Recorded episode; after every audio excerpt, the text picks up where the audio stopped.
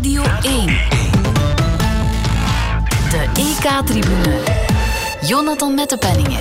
Een hele goede morgen en welkom bij de EK-tribune, waarin we telkens de voorbije wedstrijddag op het Europees kampioenschap voetbal bespreken. Derby time in de groepsfase, oorlog op het Britse eiland in de gietende regen, trouw aan de legende, het grote Engeland tegen zijn kleine broertje Schotland. Maar David hield Goliath heel erg stil. Opletten voor Rice nu.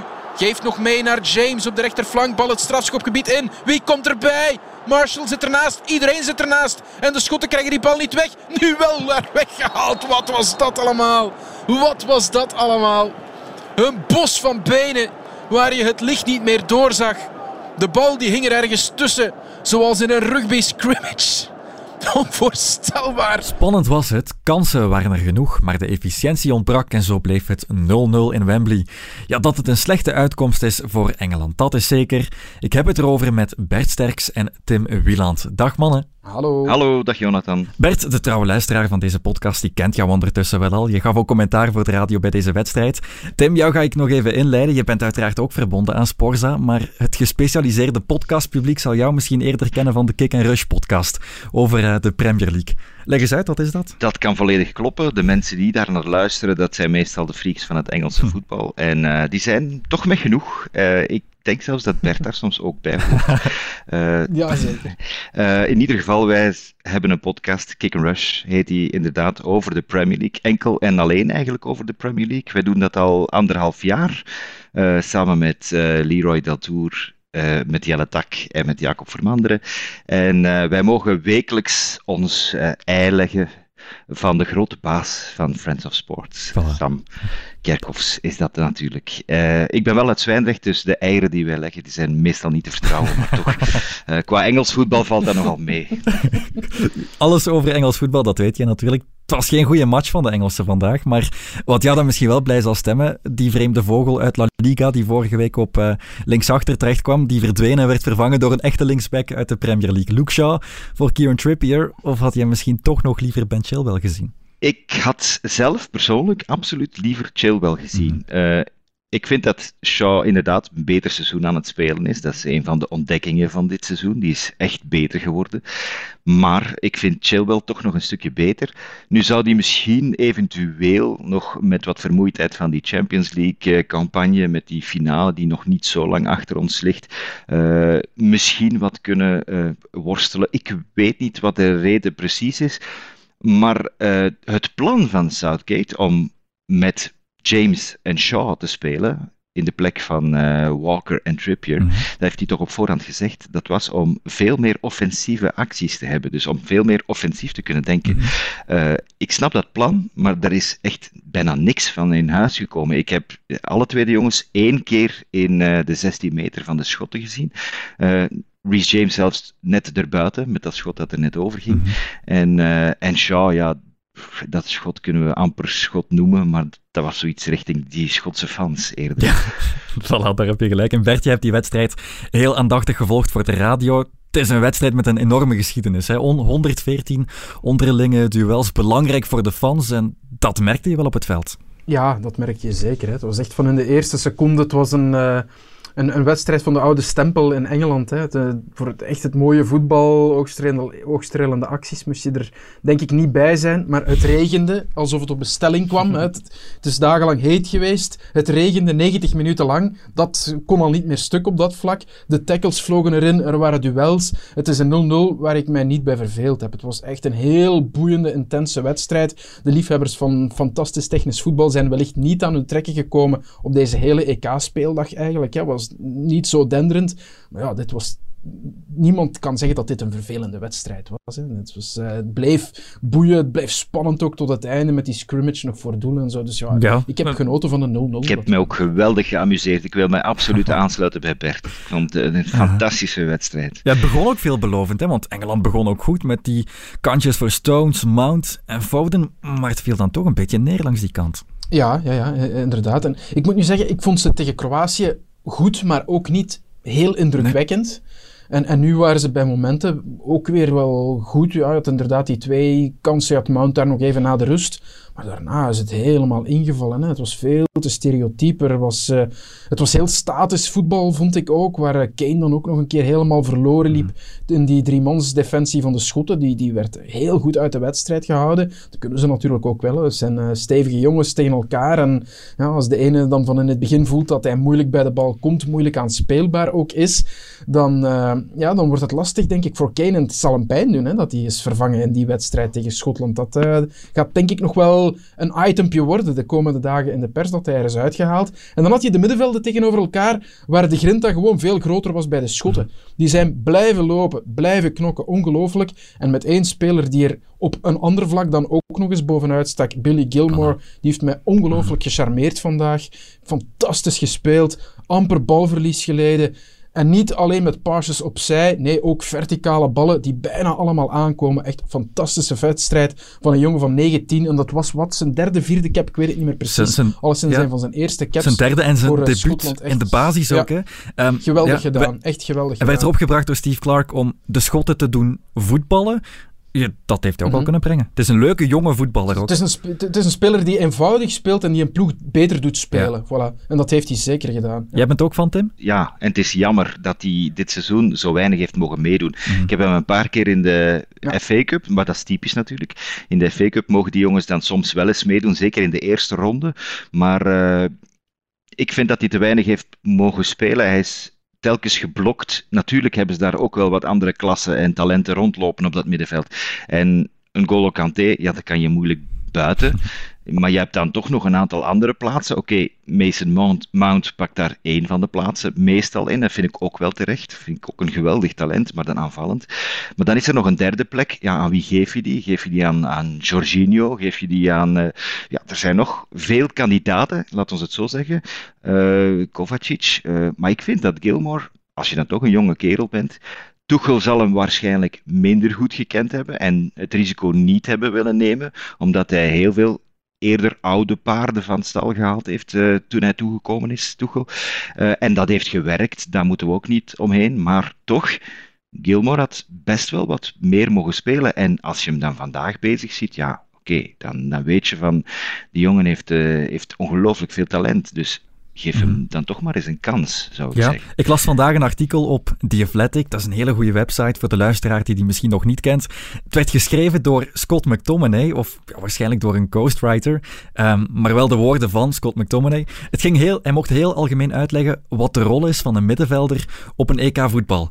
Uh, maar dus lang verhaal kort, McTominay die gaf eigenlijk zijn plaats af aan Gilmer en ging zelf naar de verdediging, heeft dat ook een invloed gehad, Scott McTominay, in de verdediging? Volgens mij wel, ja.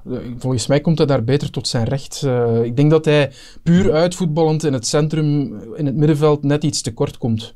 En hij, heeft ook niet echt, hij is niet de wendbaarste, hij is niet de snelste. En als hij dan in die drie-man-defensie kan staan, waar hij ja, wel wat backup heeft als hij een keer wordt uitgeschakeld, dat is meer iets voor hem. Dus dat heeft zeker meegespeeld in ja, het succes dat het vandaag was hè, voor de Schotten. Want het was een succes. Je hebt het gezien aan de viering achteraf.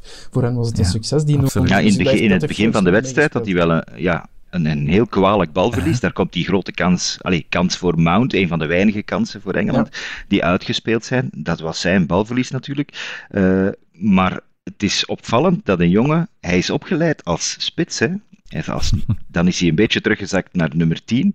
Maar heel de jeugd heeft hij aanvallende middenvelder, doelpunten maken. En hij is telkens maar een rijtje teruggezakt. Hij is dan uh, ja, verdedigend middenvelder eerder geworden. Nu komt hij op centraal in de verdediging te staan. Oké, een verdediging met drie.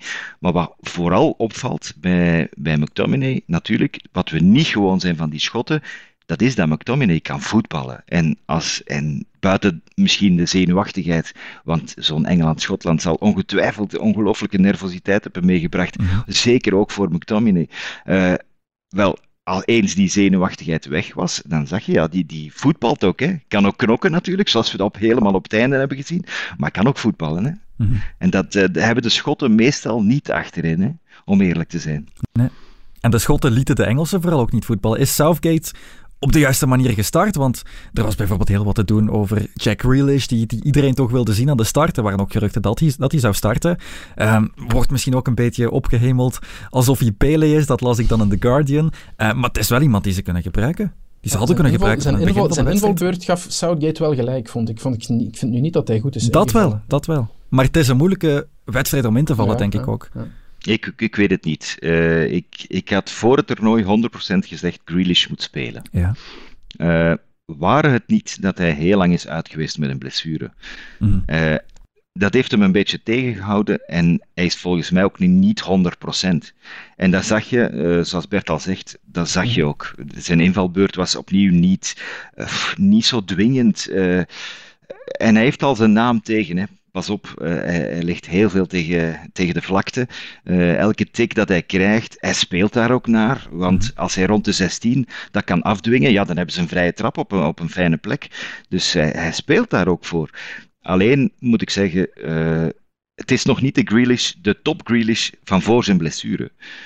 En die zou eigenlijk altijd wel moeten spelen. Dus wie weet, eh, weten ze wel meer bij de medische staf en Southgate zelf, wat wij niet zo goed kunnen inschatten natuurlijk. Ik vind dat hij meer gefaald heeft, niet zozeer in die keuze, maar de beste speler bij Schotland is, is Robertson. Hè. De linksback is, een van hun, is hun vedette van bij Liverpool. Als je ziet hoeveel ruimte die man heeft gekregen, hoe vaak die heeft kunnen voorzetten, Ja. dan ga je tactisch in de fout. Want dat is de man die je er moet uithalen. Die linker moet je eruit halen, die moet je afschermen dat die ballen niet kunnen komen vandaar. En die zijn er veel te vaak geweest. Dus daar eh, hebben ze nooit eigenlijk het juiste antwoord op gevonden. Dus had hij eigenlijk toch met Walker moeten Misschien spelen.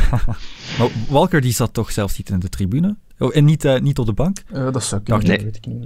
Nee, nee ik heb hem zelfs niet op de bank gezien. Dus, eh, Nee, en ik hoorde er ook niks hij- over. Hij werd inderdaad wel rechtstreeks vervangen om inderdaad meer offensief geweld te brengen met James. Dat was dan de bedoeling, maar ik vond het heel raar dat hij ja, dan zelfs niet op de bank zat. Dan, dan moet er daar toch misschien iets gebeurd zijn. Een blessure of...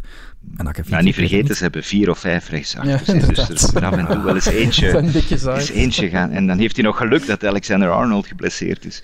Ja, oké. Bert, je hebt het al gezegd, het is nu ook geen wereld van verschil tegenover de vorige wedstrijd. Hè? Die magere 1-0 tegen Kroatië, dat was niet de beste ploeg van de wereld die daar aan het voetballen was. Ja, het gaat wat opzet ver- veroorzaken in Engeland waarschijnlijk ook wel. Wat betekent dit nu voor de rest van hun toernooi? Dit gaat fel bekritiseerd worden. Ja. Da- da- Daar, gaan de Engelse kranten wel een keer vol tegenaan gaan, denk ik, vannacht eh, over de prestatie die ze vandaag hebben gezien. Tegen een ploeg die 40 plaatsen lager staat op de, op de ranking. Ze dachten het varkentje wel even te wassen vandaag.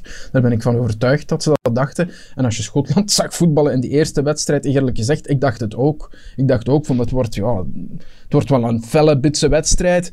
Maar het wordt ook wel een, misschien een walkover. Het, het gaat een makkelijke 3-0 of zo worden. En mm, ja, misschien wel te licht opgepakt. Hè? Het zou kunnen, op basis van wat ze die eerste wedstrijd hadden laten zien. Nu vond ik Engeland in die eerste, inderdaad, zoals je zegt, ook niet fris. Misschien ook voorzichtig, hè? dat kan je snappen in die eerste wedstrijd tegen Kroatië, vice-wereldkampioen, dat hij daar nog voorzichtig aan begint. Maar als je er dan achteraf op terugkijkt, ook hoe Kroatië nu weer voor de dag kwam en ook in de wedstrijden voordien, ja, misschien moet Engeland gewoon zelf meer, meer dat initiatief nemen. Hè. Daar hebben ze de kwaliteit volgens mij wel voor. En dat hebben ze vandaag in de tweede helft ook een, een tijd lang gewoon niet meer gedaan. Dat vond ik heel vreemd. Met een ploeg waar ja, toch goede voetballers in zitten, zoals een Mount, een Foden en zo. Er moet veel Nee, meer gelijk. Maar misschien is dat mindere resultaat voor de Engelsen ook niet het eind van de wereld, want ook in groep D is het eigenlijk beter om als tweede te eindigen, want de winnaar komt de derde uit groep F tegen. Dat kan nog altijd Duitsland, Portugal of Frankrijk worden. Terwijl de tweede uit groep D de tweede uit groep E tegenkomt. En op dit moment zouden we ervan kunnen uitgaan dat dat Zweden wordt. Ja, maar dan is het toch, dan is het toch liever gelijk gespeeld tegen Kroatië en tegen Schotland, denk ik. hoor. Dat is, dat is praat achteraf, denk ik. Gelijk in. Ik, ik denk dat de Engelsen zo niet zullen denken. nee, nee, en dat- dat zeker, zeker niet vanavond. Nee. Zeker niet vanavond. Nee, nee. Nee, nee. Ze gaan vol, volop voor die groepswinst, want dan mogen ze alles thuis spelen, behalve de kwartfinale. En dat is Ja. nog altijd het belangrijkste. Inderdaad. Zodat ze alle wedstrijden thuis op Wembley kunnen spelen, ook die achtste finale. En dan vervolgens Mhm. halve finale, finale. Want dan zouden ze enkel de kwartfinale in Rome moeten spelen. Dus Ja. dat, dat is het enige dat op dit moment toch echt leeft. We moeten die groepswinst pakken, daarom. Ja, dan gaan ze toch een stuk beter moeten doen dan, eh, dan vandaag. Maar dus, qua spektakel kon het heel wat beter deze derby. De overgave van de Schotten die maakte wel heel wat goed. Maar een teleurstelling voor Engeland is het eh, in ieder geval. Benieuwd hoe het dan zal vergaan in de rest van het toernooi. Maar we gaan het daarop houden. Bert Sterks en Tim Wieland, heel erg bedankt. En tot de volgende. Graag gedaan, tot gauw.